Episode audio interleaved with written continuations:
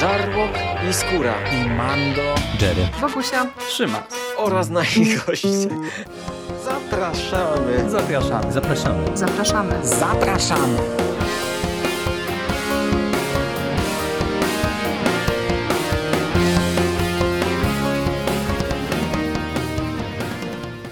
Witam Was bardzo serdecznie w kolejnym odcinku konglomeratu podcastowego i zapraszam na kolejny odcinek z serii Przegląd komiksowy, w którym omówię tradycyjnie dla tej serii trzy kolejne komiksy. Tym razem, tak jak to często e, bywało w przeszłości, e, mam pewien motyw e, przewodni tego odcinka, a mianowicie dzisiaj dwa z trzech komiksów, które będę omawiał, to są komiksy o Johnie Konstantinie z serii Hellblazer, ale będą to dwa skrajnie odmienne podejścia do tematu, a przetniemy te dwa tytuły sobie czymś zupełnie innym, ale po kolei. Na pierwszy rzut idzie Hellblazer Wzlot i Upadek ze scenariuszem Toma Taylora i rysunkami Derricka Robertsona. Jeżeli chodzi o ten komiks, to jest wydawnictwo z pod szyldu DC Black Label, zaprezentowane w oryginale całkiem niedawno no i szybko doczekało się wydania w Polsce. Komiks, co istotne i ciekawe, jest wydany w tym formacie powiększonym. Jeżeli kojarzycie na przykład Batmana Przeklętego, którego też notabene omawiałem w przeglądzie komiksowym, no to ten album wygląda bardzo podobnie i analogicznie właśnie jak Batman Przeklęty składa się z trzech zeszytów, takich powiększonych, no bo te historie w DC Black Label, one właśnie często nie ograniczają się do tej standardowej y, objętości zeszytów, tylko to są takie dłuższe e, zeszyty, no i tak jest właśnie w tym przypadku. I najpierw e, może rozprawiłbym się z rysunkami, no bo o nich będę miał trochę mniej do powiedzenia. Mm, tak jak wspomniałem, za warstwę wizualną odpowiada Derek Robertson, czyli to jest e, twórca, którego świetnie na pewno znacie. On odpowiada za szatę graficzną w The Transmetropolitan, czy raczej bez D w Transmetropolitan, w The Boys chociażby on także mm, rysował e, Punisher Born, który całkiem niedawno był w Polsce wznowiony w jednym z tych opasłych tomów o, o Punisherze, także artysta dobrze znany także u nas w naszym pięknym kraju. No i ta kreska, którą on tutaj dostarcza jest y, w porządku. Jeżeli lubicie y, Robertsona, no to wiecie czego się spodziewać. Mm, jeżeli nie, no to on ma y, dosyć charakterystyczny styl, który no, jest bardzo ekspresywny moim zdaniem, jeżeli chodzi o rysowanie postaci, mimiki. E, on często lubi e, kadry właśnie z jakimiś zbliżeniami. E, no i tutaj to wypada dobrze, bo mm, ten komiks ma dużo dialogów, dużo rozmów pomiędzy różnymi postaciami w różnych konfiguracjach, więc no to, to po prostu działa dobrze mm, i sprawdza się też w takich bardziej pojechanych momentach, których tutaj nie brakuje brakuje. Przy czym no te rysunki są takie trochę y, komiksowe, powiedziałbym, czyli jeżeli właśnie, nie wiem, mamy fragmenty z jakimiś y, demonami, a no to jest Hellblazer, to nie jest spoiler, że jakieś demoniczne siły się tutaj y, pojawią, no to ta szata graficzna podejrzewam, że nie wszystkim może się podobać. Dla mnie to, to działa, ja lubię Robertsona, podobało mi się to, co robił właśnie w tych słynniejszych swoich dawnych seriach, więc tutaj też go kupuję. E, za scenariusz odpowiada Tom Taylor e, i to jest e, scenarzysta, który no, uchodzi obecnie za taką no, dosyć sporą, myślę, nawet gwiazdę, jeżeli chodzi o ten komiks taki blockbusterowy, mainstreamowy. On pisze sporo dla Marvela, pisze sporo dla DC. E, on odpowiadał chociażby też za komiks, który z tego co pamiętam tutaj omawiałem, czyli Deceased, e, mm, czyli tę serię, która się później rozrosła oczywiście do mm, e, jakichś różnych innych też pobocznych projektów. On pisza, pisał chociażby dla Marvela All New Wolverine z Laurą Kinney, komiks, o którym też wam trochę opowiadałem. No i Tom Taylor to jest dla mnie zawsze zawsze gwarant solidności, bo tak jak pamiętacie może, ja na przykład nie byłem jakimś wielkim fanem Deceased, ale no, Taylor ma dobrą rękę do pisania komiksów, szczególnie jeżeli chodzi o dialogi. To jest to, gdzie on moim zdaniem e, zawsze błyszczy. E, on ma dosyć charakterystyczny styl właśnie pisania, gdzie e, z jednej strony te, te postaci są szalenie wiarygodne i często przeżywają no, poważne problemy, poważne dramaty, ale z drugiej strony on bardzo dużo humoru wplata w te swoje historie mm, i nie inaczej jest w przypadku właśnie tego tytułu, czyli wzlotu i upadku. O czym opowiada ta historia? No bo to jest zamknięty album. To jest ważna informacja na początek. Jeżeli e, byście się zastanawiali nad tym, e, po co sięgnąć, e, czy warto sięgnąć po tego Hellblazera, bo na przykład nie, nie znacie jeszcze tych już wielu tomów klasycznego Hellblazera, które Egmont wznawia. Jeżeli się zastanawiacie, czy ta historia będzie dla was, to od razu powiem tak, to może być historia dla Was i tu będzie kontrowersyjne, zaraz to rozwinę, dlatego że to y, jest właśnie opowieść w pełni autonomiczna. Oczywiście, jeżeli y, znacie y, postać Johna Konstantina, jeżeli znacie Hellblazera, no to tutaj na pewno będziecie mieli trochę dodatkowych smaczków, bo Taylor mruga okiem do fanów Johna Konstantina na różnym poziomie, wracają pewne postaci e, ważne w mitologii e, Hellblazera. E, mamy nawiązania jakieś tam w nazwach czy ulic, czy pubów do jego słynnych poprzedników piszących Hellblazera, czyli to są, wiecie, takie typowe mm, easter eggi, takie mrugnięcia okiem dla fanów. Natomiast dlaczego mówię, że ta opinia moja, że spokojnie możecie sięgnąć po tego Hellblazera będzie kontrowersyjna? Dlatego, że z tego co widziałem, to wzlot i upadek został został raczej chłodno przyjęty y, przez ludzi recenzujących komiksy w Polsce. Y, głównie zarzucano mu to, że to nie jest y, John Constantine, którego my znamy i najbardziej lubimy, czyli ten mroczny, pokręcony bohater. I faktycznie to jest prawda, bo tak jak powiedziałem e, chwilę wcześniej, Tom Taylor e, ma bardzo charakterystyczny styl, styl przesycony humorem i tutaj tego niewymuszonego humoru jest dużo. E, oczywiście to jest Hellblazer, więc będziemy mieli tutaj dużo humoru i dużo momentami makabry i mocniejszych sekwencji, mocniejszych zdarzeń, ale ta tonacja jest wyraźnie inna niż jeżeli sięgniecie sobie po, chociażby właśnie którykolwiek e, z tych klasycznych Hellblazerów, e, z, które Egmont wznawia, e, czyli czy to Azarello, czy Enisa, czy Elisa, ktokolwiek tam wam wypadnie pod rękę. Ten album jest utrzymany w innym tonie, przy czym moim zdaniem to absolutnie nie jest wada.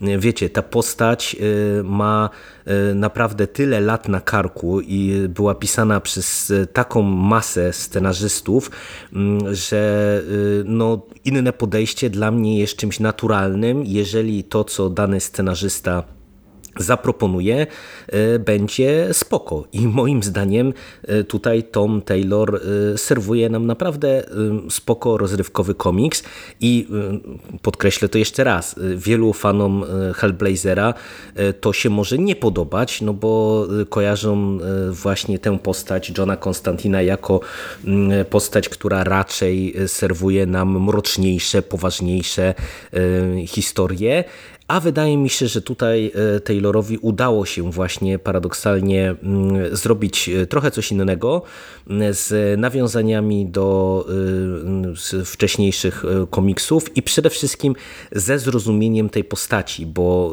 ja na przykład, chociaż też takie rzeczy były podnoszone w różnych miejscach, nie czuję tego, żeby ten Konstantin był zupełnie inną postacią niż ta, którą no właśnie znamy i kojarzymy. On jest jest nadal bezczelny, nadal zadziorny, nadal e, nie szanuje e, otoczenia wokół siebie, nadal e, pakuje się w kłopoty przez swoje własne ego i, przez, i to ego też powoduje, że próbuje i siebie i innych z tych kłopotów wyciągnąć. Pije, pali i także nie stroni od przygodnego seksu, czyli wiecie, John Konstantin, jakiego znamy. Plus do tego mm, mamy trochę też e, nawiązań e, takich, które często się przewijają e, w komiksach o Johnie Konstantinie, czyli mm, nawiązania do Wielkiej Brytanii, sytuacji społecznej, bo w sumie tutaj ten wątek główny też się wokół tego kręci mm, i, i to jest, tak jak powiedziałem, dla mnie bardzo w porządku, bardzo kompetentnie napisane. I nie wspomniałem o fabule do tej pory e, celowo, no bo wiecie, to jest komiks krótki, więc ja fabułę wam tylko zarysuję. Mm, e, na początku widzimy Johna Konstantina przy e, narodzinach i to dosłownie. I przenosimy się następnie kilka lat później, kiedy młody John Konstantin, jeszcze nastolatek, wespół z, ze swoimi przyjaciółmi, Aishą i niejakim Billim, postanawiają przywołać demona. No bo John Konstantin już jest postacią, która y, zaczyna się interesować czarną magią, para się czarną magią. Y, no i oczywiście, y, jak możecie się domyślić, wszystko idzie bardzo nie tak. Sytuacja się komplikuje, rzucony czar no, zostaje przerwany, coś idzie nie pomyśli Johna. I na skutek tych wypadków ten jego przyjaciel Billy umiera.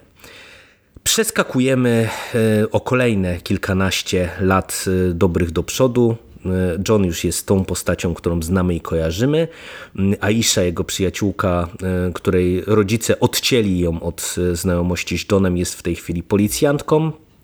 No i ich drogi przecinają się w momencie, kiedy Aisha wespół ze swoim partnerem, takim wiecie, starszym już gliniarzem, e, detektywem, e, trafiają na martwego bogacza z, ze skrzydłami e, anioła na plecach, który spada im nagi dosłownie pod nogi.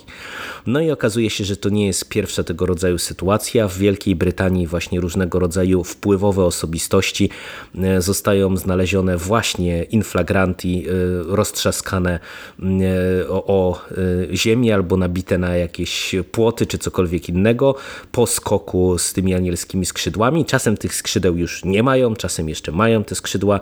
Mm, nie wiadomo w zasadzie o co chodzi. No i Aisha e, wespół z Johnem będą musieli e, tutaj wspólnie e, pracować, aby tę zagadkę rozwiązać.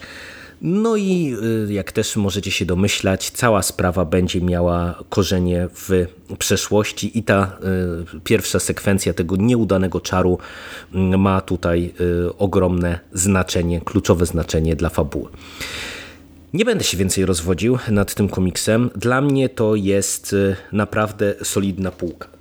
I tak jak powtórzę troszeczkę to, co powiedziałem wcześniej na, na drobne podsumowanie, to jest komiks dobry, to jest komiks rozrywkowy, y, to jest y, komiks, który sympatycznie bawi się postacią Johna Konstantina nic więcej, nic mniej. Solidna porcja rozrywki. Jeżeli lubicie tę postać, śmiało możecie po nią sięgnąć. Jeżeli e, nie czytaliście e, komiksów o Johnny Konstantinie, spokojnie możecie od tego komiksu e, swoją przygodę z Johnem zacząć. Kilka charakterystycznych motywów tutaj dostaniecie, a może już na tym etapie połkniecie bakcyla i będziecie chcieli e, więcej, no to e, wiele, wiele tomów e, klasycznego Hellblazera czeka w tej chwili na wyciągnięcie ręki, co polecam oczywiście sprawdzić. O części z nich już mówiłem, więc też odsyłam do podcastów.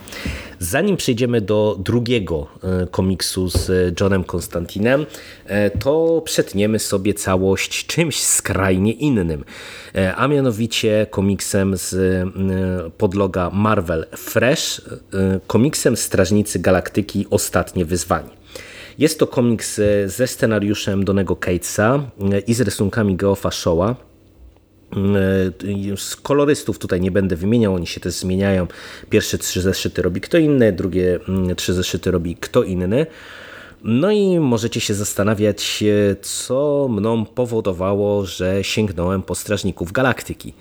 Możecie, aczkolwiek nie powinniście, jeżeli mm, kojarzycie nasze wcześniejsze, bo mówię nasze, bo te serie prowadziłem wspólnie z Michałem Ochnikiem z mistycyzmu popkulturowego, serię o kosmicznym Marvelu, czyli o anihilacjach i właśnie Strażnikach Galaktyki. Mm, I tak jak ja pominąłem tych Strażników Galaktyki z Marvel Now, dlatego że z tego co słyszałem, to oni raczej nazbyt mocno poszli w kierunku filmowych wersji tych postaci, czyli wersji tych postaci, które ja niekoniecznie chciałem czytać w komiksach, e, mając w pamięci e, to, co zrobił Abnet z Lanningiem jakie status quo ustawili w swoich e, historiach. E, no ale postanowiłem sprawdzić, jak wypadają właśnie strażnicy galaktyki w Marvel Fresh, no bo e, tutaj też to był argument taki, że ta seria w ramach Marvel Fresh jest króciutka. Tak naprawdę chyba cały, cali strażnicy galaktyki Catesa ograniczałem się do dwóch tomów, więc e, stwierdziłem, że okej, okay, no to sięgniemy, zobaczymy jak tutaj e, Peter Quill i spółka wypadają w interpretacji Catesa, Catesa, którego też e, już dokonania w ramach Marvel Now, w ramach Marvel Fresh, przepraszam, możemy w Polsce śledzić, bo on oczywiście jest autorem Venoma, a wcześniej odpowiadał między innymi za część Thanosa, co jest istotne, bo w bodajże drugim tomie Thanosa, tym pisanym przez Catesa, pojawiał się Cosmic e, Ghost Rider jako istotna postać, która to postać e, wraca. No i czuć, że ci Strażnicy Galaktyki to jest trochę mm, taka odskocznia dla Catesa e, do różnych rzeczy, które on pisze innych. E, ja to zaraz rozwinę i wyjaśnię o co chodzi. Mm, no, jaki jest punkt wyjścia do Strażników Galaktyki? E, po pierwsze, to jest w zasadzie bezpośrednia e, kontynuacja wydarzeń z Wojen Nieskończoności, które omawiali dla Was tutaj Szymas z Mando, czyli dwóch tomów komiksów, które oni generalnie nie polecali. Mm, natomiast no, wypada e, pewnie przynajmniej wiedzieć, do jakich wydarzeń tam doszło. Chociaż, no, tak jak to często bywa, tutaj mamy to streszczone y, na dzień dobry, więc y, też wiecie, jeżeli nie, macie obawy y, po podcastach chłopaków, nie chcecie sięgnąć po tamte wojny nieskończoności, to spokojnie mm, możecie sobie sięgnąć i zacząć od Strażników Galaktyki, bo wszystko nam tutaj przypominają. Na dzień dobry widzimy Star Foxa, brata Thanosa, który y, sprowadził do sanktuarium kosmicznego różne siły galaktyczne y, Asgardczyków, Shiar, Kris, Króli i tak dalej, i tak dalej, całą maszę y, superbohaterów związanych właśnie z kosmosem Marvela, także Cosmic Ghost Ridera czy Beta Ray Billa, czyli postaci, które będą istotne bardzo mocno z punktu tego widzenia tego komiksu. I uwaga, tutaj będzie trochę spoilerów do Wojen Nieskończoności. Zebrał ich e, przy ciele Thanosa, które zostało pozbawione głowy, ze względu na to, że Thanos zostawił wiadomość, żeby nie cieszyli się wszyscy w galaktyce, bo on tuż przed śmiercią przeniósł swoją jaźń do innego ciała i wkrótce powróci. Nasze zebranie, nasz ten sejmik kosmiczny y, w tym momencie y, podejmuje decyzję, trzeba odnaleźć ciało, które jest nosicielem jaźni Thanosa i zgładzić tę postać, a y, ze wszystkich różnych potencjalnych nosicieli dla jaźni Thanosa uznają nasi superbohaterowie, superbohaterki, że najbardziej prawdopodobną wersją jest jego córka Gamora, która y, była sprawczynią zamieszania między innymi właśnie w Wojnach Nieskończoności i po wydarzeniach z tamtych komiksów zniknęła. Y, podejmują decyzję, że trzeba ją odnaleźć, ale zanim się ruszą, okazuje się, że czarny zakon pracujący dla Heli, to jest też nawiązanie do wcześniejszych komiksów, gdzie widzieliśmy, że Hela sprzymierzyła się z Thanosem. Ten wątek e, był dosyć istotny w komiksach Arona e, o e, Torach i jeszcze pewnie wróci. Czarny Zakon pojawia się w sanktuarium, kradnie ciało Thanosa i doprowadza do kataklizmu, który powoduje, że większość superbohaterów albo znika, albo ginie, to jeszcze jest niepewne, a pozostali przy życiu bohaterowie nagle znajdują się na statku Petera Quilla, który wespół z Grutem no, przeżywa kryzys, no bo po wydarzeniach właśnie z wojennej skończoności jego ekipa się rozpierzchła, Rocket zniknął, Gamora zniknęła, Draxa nie ma, mm, bez spoilerów, no i e, jest w rozsypce, no ale przyjmuje tych rozbitków na swój pokład, rozbitków w tym właśnie wspomnianych Cosmic Ghost Ridera i Beta Ray Billa, ale także Phile, e, Well i Moondragon, E, no i e, rozpoczyna się e, dalszy ciąg opowieści, w której no, można powiedzieć, że zaczynają ze sobą rywalizować dwie frakcje. Frakcja Petera Quilla i jego nowych strażników galaktyki, która chce odnaleźć Gamorę i no, dowiedzieć się, czy to jest możliwe, że ona faktycznie jest nosicielką jaźni Thanosa i grupa druga, która postanawia ją po prostu znaleźć i zgładzić na miejscu bez zbędnych ceregieli. No i zaczyna się kosmiczna gonitwa, która no tutaj zostaje doprowadzona do wyraźnego końca. Mm, wspominam o tym, dlatego że ten album kończy się cliffhangerem, ale ten cliffhanger jest taki, że, że można powiedzieć, że ten pierwszy tom stanowi też e, poniekąd zamkniętą całość, bo e, wątek e, Thanosa, Gamory i całego, całego tego zamieszania wokół tej, tego przeniesienia jaźni Thanosa do innego ciała na tym etapie jest zamknięty i będziemy mieli odejście na kolejny wątek prowadzony przez Catesa.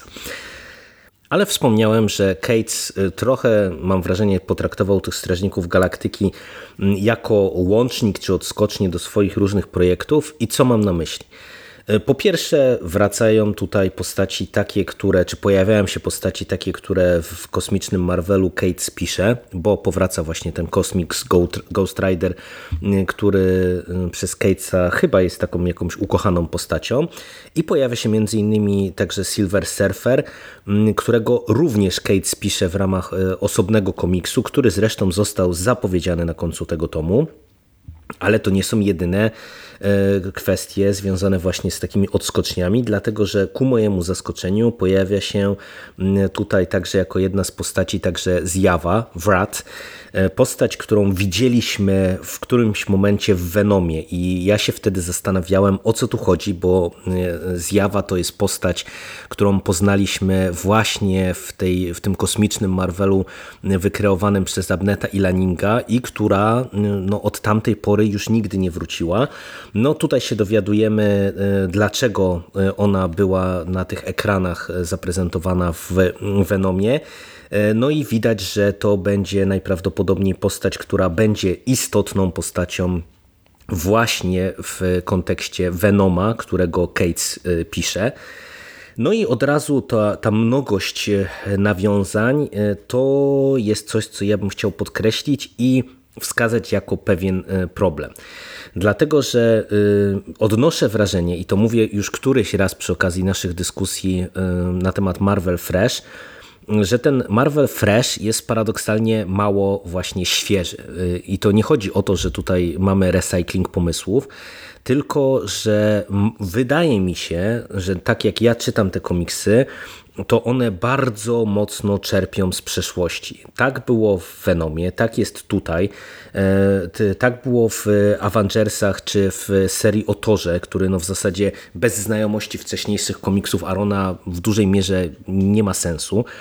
I to jest dla mnie bardzo dziwny ruch, bo kiedy pojawiało się Marvel Now, tam faktycznie za tym resetem, za tą zmianą numeracji e, szła e, no, autentyczna świeżość i nowość w temacie tych komiksów bohaterskich, mm, superbohaterskich, a tutaj przy tych Strażnikach Galaktyki e, to nie jest komiks jak jest specjalnie skomplikowany. Możecie po niego sięgnąć i to będzie taka no, solidna, niezobowiązująca e, kosmiczna rozwałka e, na zasadzie zabili go i uciekł, w tym przypadku dosłownie, no bo zabili go Thanosa, a on uciekł. Tak, przepraszam, suchy żart, ale nie mogłem się powstrzymać. Więc jeżeli lubicie e, te postaci, e, te postaci, czyli Strażników Galaktyki, czy to we wcześniejszych e, ich inkarnacjach, czy właśnie lubicie filmy, możecie spokojnie po to sięgnąć i dobrze się bawić.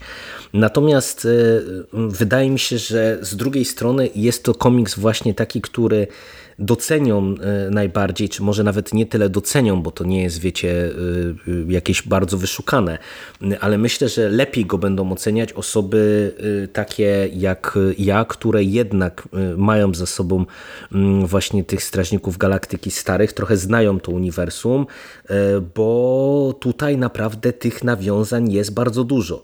I wydaje mi się, że żeby zrozumieć pewne relacje pomiędzy postaciami, żeby zrozumieć pewne nawiązania, e, żeby zrozumieć e, na przykład co tu robi Hela, no to trzeba znać właśnie te wcześniejsze komiksy, no bo tak jak mówię, to nie jest coś, co wam będzie psuło zabawę, no bo nie musicie wiedzieć na tym etapie na przykład dlaczego Hela pracuje z czarnym zakonem, no ale z drugiej strony to jest wątek, który jest tutaj po prostu tak owrzucony, bez żadnego wyjaśnienia, bez żadnej e, puenty. I takich e, motywów mamy tutaj dużo, e, bo wspomniany Wrat z Jawa to jest postać, która no, dla ludzi, którzy go nie kojarzą właśnie z wcześniejszych komiksów, będzie kompletnie enigmatyczna. On się tutaj pojawia, robi robótkę, wyjaśnia jakby dlaczego pomaga naszym superbohaterom i znika do innego komiksu komiksu. No więc to jest dla mnie dziwny sposób pisania y, czegoś, co jest sygnowane jako fresh, jako nowa zmiana, jako nowa numeracja, nowe serie. I pod tym kątem no, uważam, że mm, tak jak można się przy tym komiksie dobrze bawić, bo to jest, wydaje mi się, że w przeciwieństwie do wojen nieskończoności, naprawdę taki y, blockbuster i taka rozwałka, która dostarcza sporej dozy frajdy, no to niestety E, właśnie ta ilość nawiązań powoduje, że ten próg e, wejścia do całej tej historii jest dosyć duży. Co jest w sumie trochę dziwne, no bo ja się spodziewałem, że jednak tutaj będziemy mocno stali na własnych nogach. Cates jest bardzo sprawnym scenarzystą. Emuluje też niektóre zagrywki, niektóre rozwiązania, które właśnie zastosowali w swoich seriach, chociażby Abnet z Lanningiem, czyli mamy znowu takie fragmenty, gdzie chociażby Quill mówi do nas, czy do ekranu jakiegoś, ale to w tym momencie czytamy tak, jakby to mówił do nas. Te postaci potrafią się przerzucać całkiem zabawnymi one-linerami. Mamy tutaj zabawnie ogrywanego Emo Gruta, który jest tutaj wkurzonym na cały świat i przede wszystkim Petera Quilla nastolatkiem. E, mamy dużo e, zabawnych tarć w naszej ekipie, no bo wiecie, to jest totalnie nieprzystosowana e, do współpracy zbieranina indywiduów. No, ja bawiłem się dobrze, czekam na ten drugi tom i będę go na pewno czytał. Natomiast no, czujcie się ostrzeżeni, że mm, no, tutaj ilość nawiązań jest naprawdę bardzo duża i z tyłu głowy trzeba to mieć. O Strażnikach Galaktyki to tyle i przejdźmy do ostatniego z dzisiejszych komiksów, czyli John Constantine Hellblazer, ale komiks sygnowany dla odmiany logiem nie tylko Black Label, ale także Sandman Uniwersum. Jest to komiks ze scenariuszem Simona Spurriera i Kat Howard, która zakładam tutaj odpowiadała za jeden zeszyt. E, bo się tego niestety nie doszukałem. E, rysowników jest tutaj pięciu, więc ja ich nie będę wymieniał, skomentuję warstwę graficzną e, na sam koniec. I to jest komiks, który zbiera nam aż 8 zeszytów, bo jest to Hellblazer, The Sandman Universe Presents Hellblazer, zeszyt pierwszy, czyli wprowadzenie do całej tej serii. Księgi Magii, zeszyt 14 i to jest, zakładam, to, co jest pisane przez Cat Howard i John Constantine Hellblazer zeszyty od pierwszego do szóstego. I przyznam się, że tak jak jestem fanem Hellblazera i od momentu, kiedy mm, Egmont ruszył nam z tą falą wznowień, ja się staram tego Hellblazera na bieżąco nadrabiać i czytać, no to za ten komiks początkowo nie chciałem się zabrać, dlatego że to jest coś, co wydawało mi się kontrowersyjne, że mamy tutaj to logo Sandman Uniwersum. Mm, ja, tak jak wiecie z, innych, z innej serii podcastów, dopiero zaczynam przygodę z Sandmanem. Nie do końca rozumiałem, jaka jest idea tego Sandman Universe, jeżeli chodzi o komiksy, bo przecież tam mamy Lucyfera, mamy właśnie Księgi Magii, mamy Key i, i inne serie komiksowe. Zastanawiało mnie, jaki to ten, jaki ten Sandman ma wpływ na e, te serie komiksowe, mm, no bo John Constantine pojawił się w, już w pierwszym albumie zbiorczym Sandmana, więc no to, to nie jest jakieś zaskoczenie, e, że mamy do czynienia z crossoverem, no ale jeżeli to jest historia pisana w uniwersum, no to wiecie, zastanawiałem się, czy trzeba na przykład znać inne komiksy z, pod tego szyldu, y, czy, czy o co tu chodzi, no ale niemniej postanowiłem sprawdzić, y, jak ta seria wypada. No i teraz tak, zacznijmy właśnie od tego e, Sandman Universe. Powiem Wam otwarcie, że nie rozumiem do końca, dlaczego to się tak nazywa. Ja przy okazji e, Lock and Key, e, o którym trochę żeśmy sobie rozmawiali właśnie w kontekście tego Sandman Uniwersum, dowiedziałem się, że ten komiks Lock and Key wygląda tak, że z uniwersum Sandmana w zasadzie nie trzeba znać nic, natomiast trzeba znać and Key. I tak jak mówię, nie rozumiem dlaczego to jest Sandman Uniwersum, bo tutaj jest analogicznie. Oczywiście to jest związane wszystko z, gdzieś tam z uniwersum Sandmana, bo przecina się z księgami magii, które z kolei gdzieś tam są w tym e, Sandman Universe e, pisane, ale z samym Sandmanem, z samym komiksem o Sandmanie ja na razie tutaj nie widzę absolutnie żadnych nawiązań. Tak jak mówię, tutaj jeżeli coś by wypadało znać, to raczej te, pewnie te księgi magii pisane przez Cat Howard też pod szyldem Sandman Universe, bo tutaj mamy crossover i w zasadzie ta historia zaczyna się od bardzo wyraźnego nawiązania do ksiąg magii, bo tutaj tutaj jedną z głównych y, postaci w tym komiksie, czy głównych antagonistów, y, co ciekawe, jest właśnie Tim Hunter, czyli główna postać ksiąg magii. Ale tutaj do samego uniwersum Sandmana ja nie znalazłem żadnych, ale to absolutnie żadnych nawiązań. Natomiast do świata Hellblazera nawiązań jest dużo i to jest dla mnie naprawdę dziwny ruch, E, bo znów powiem to, co powiedziałem przed chwilą przy mm, Strażnikach Galaktyki. Nie są to nawiązania, które są potrzebne do znajomości tego konkretnego komiksu, e, ale wydaje mi się, że też, e, aby zrozumieć pewne rzeczy, czy żeby docenić pewne rzeczy, no to wypadałoby trochę tę postać znać, bo mamy tutaj na przykład bardzo ważny i dosyć długi wątek e, z czasem, czyli jedynym e, przyjacielem e, Johna Konstantina, tym jego kumplem taksówkarzem. No i, i wiecie, ten wątek w zasadzie zaczyna się na końcu ich wspólnej drogi i później jest kontynuowany przez dosyć długi czas. No i wydaje mi się, że osoba, która czasa pozna dopiero na kartach tego komiksu, no to nie będzie odczuwała tego, co powinna, wydaje mi się, odczuwać, e, o co Spurrierowi e, chodziło, jak mi się e, wydaje. Także no, to jest zabieg dosyć, dosyć dziwny.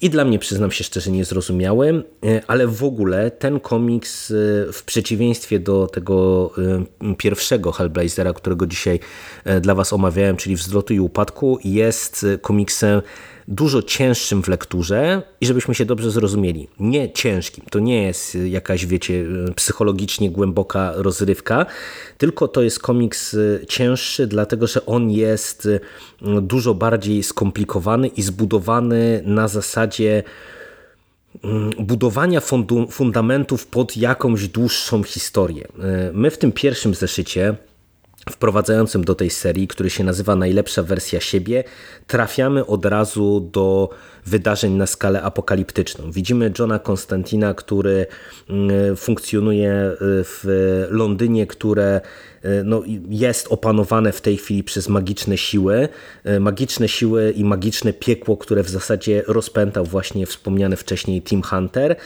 No i widzimy, kiedy on próbuje gdzieś tam jako ten słynny mag posprzątać ten bałagan, ale no nie idzie mu to najkrócej rzecz ujmując.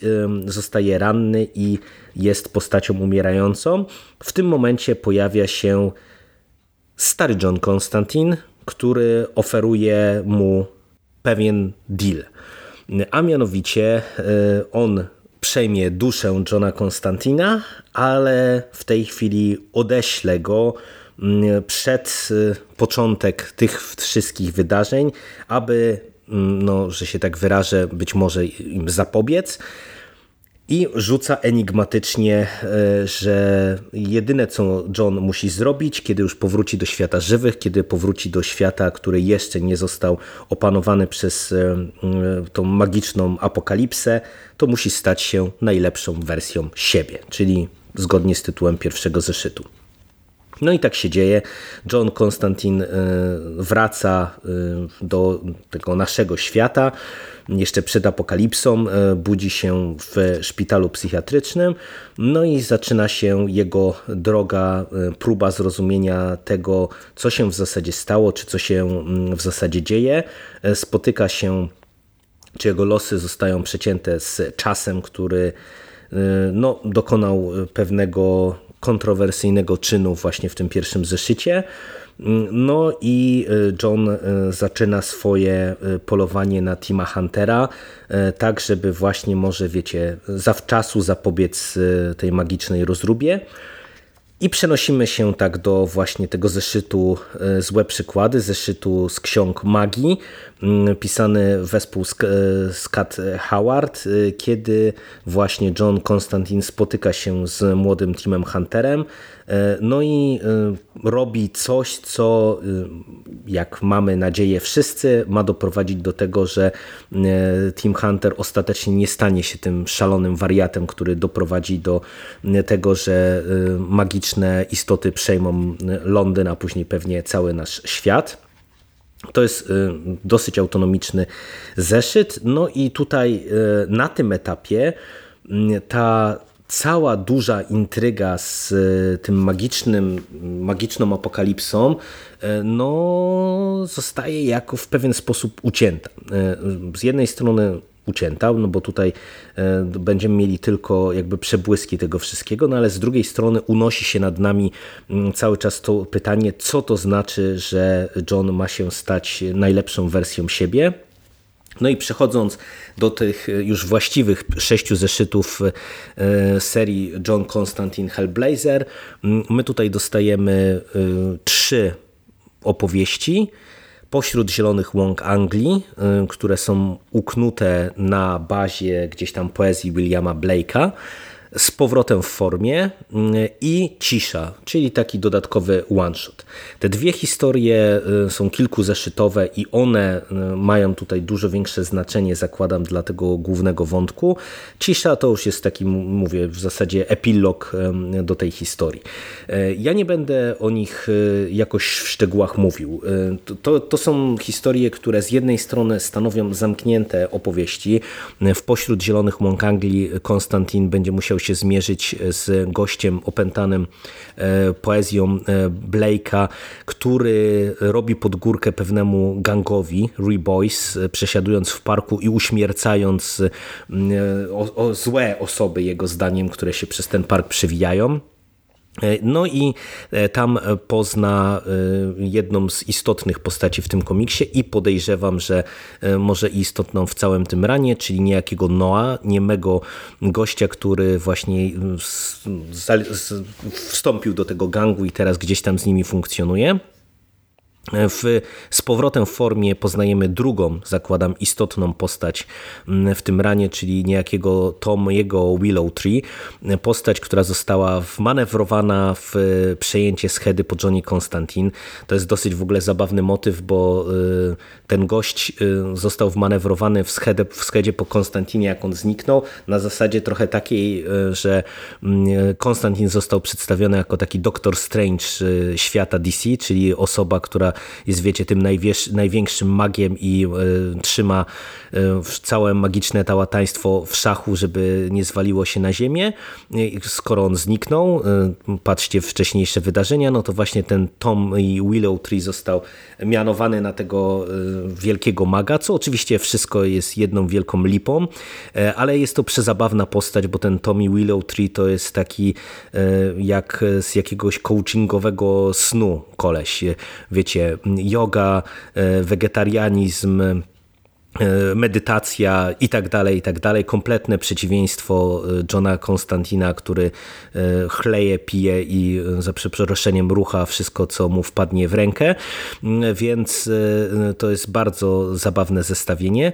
No i te dwie historie, mówię, trochę budują nam, zakładam, całą tę główną oś fabularną, dlatego, że gdzieś tam w tle przewija nam się cały czas ten stary John Konstantin, który widać układa jakieś pionki na szachownicy szachownicy. Na ten moment nie wiemy w zasadzie jakie. E, to z jednej strony, z drugiej strony poznajemy trochę różnych postaci, które pewnie będą miały znaczenie w finale.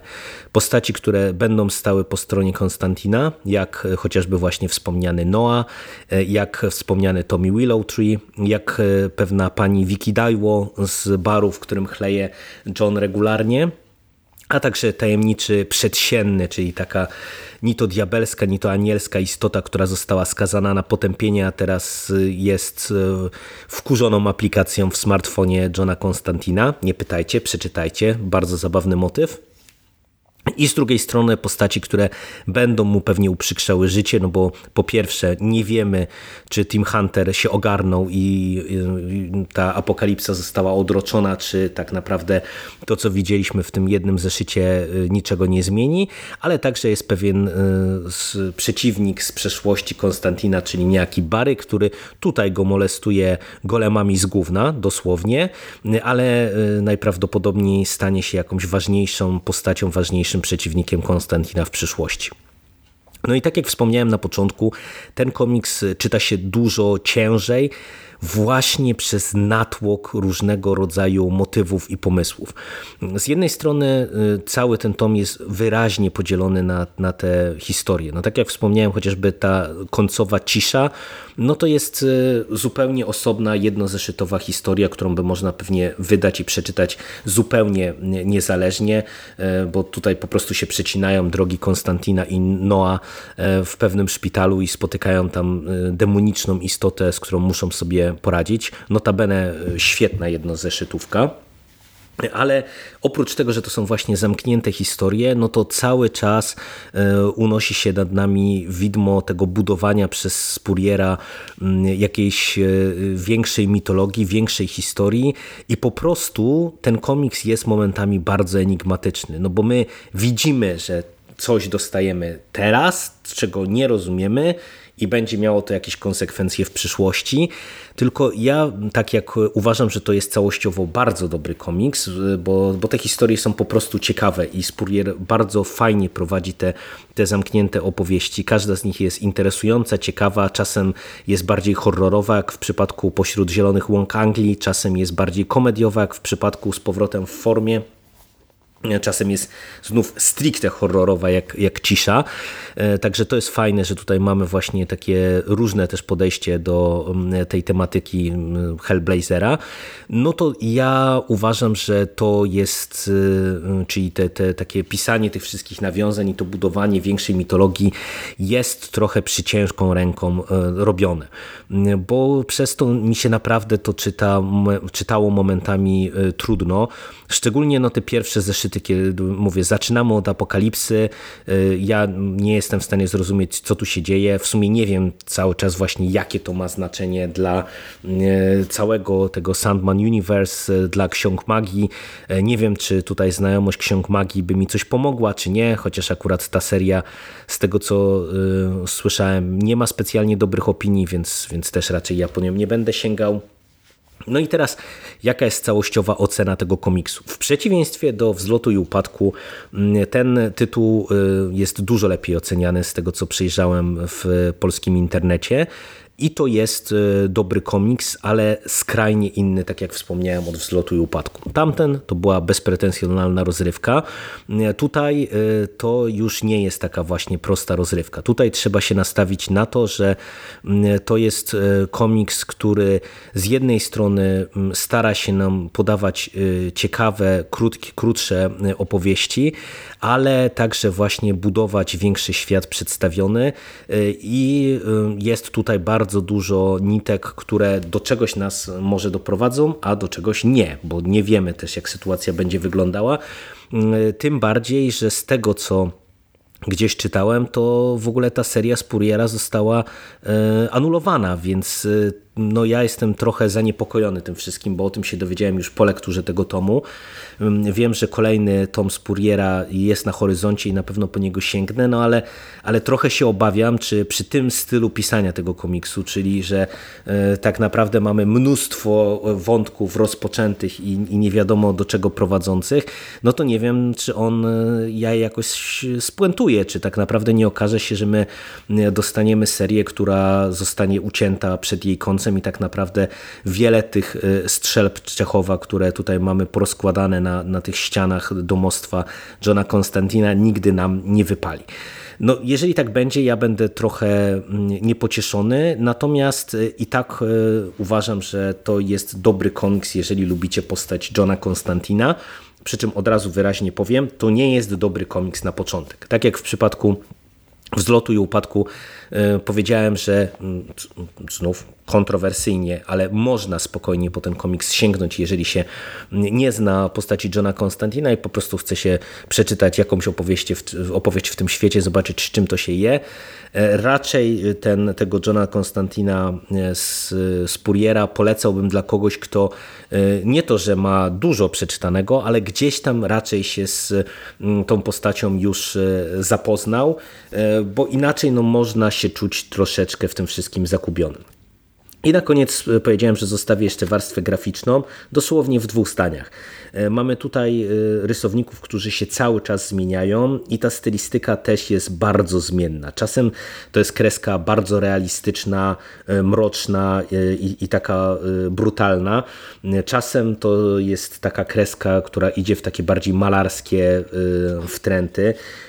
Czasem, jak chociażby właśnie w całym tym segmencie z Tomem Willow Tree, mamy taką kreskę radosną, e, pastelową, e, co się świetnie sprawdza notabene w tej historii, e, ale no tak jak słyszycie jest bardzo, bardzo różnorodnie, ale co najważniejsze jest spójnie ze scenariuszem, bo nie jest spójnie w obrębie tego albumu, tutaj naprawdę widać te przeskoki pomiędzy rysownikami, ale tutaj zachowano spójność formy i treści i przez to, to to wszystko działa. To jest naprawdę dobry komiks, y, ale no, z tymi zastrzeżeniami, które poczyniłem wcześniej. No i nie wiem jakim cudem, ale ten odcinek wyszedł mi strasznie długi, więc y, nie przedłużając kończę. Do usłyszenia w przyszłości. Cześć!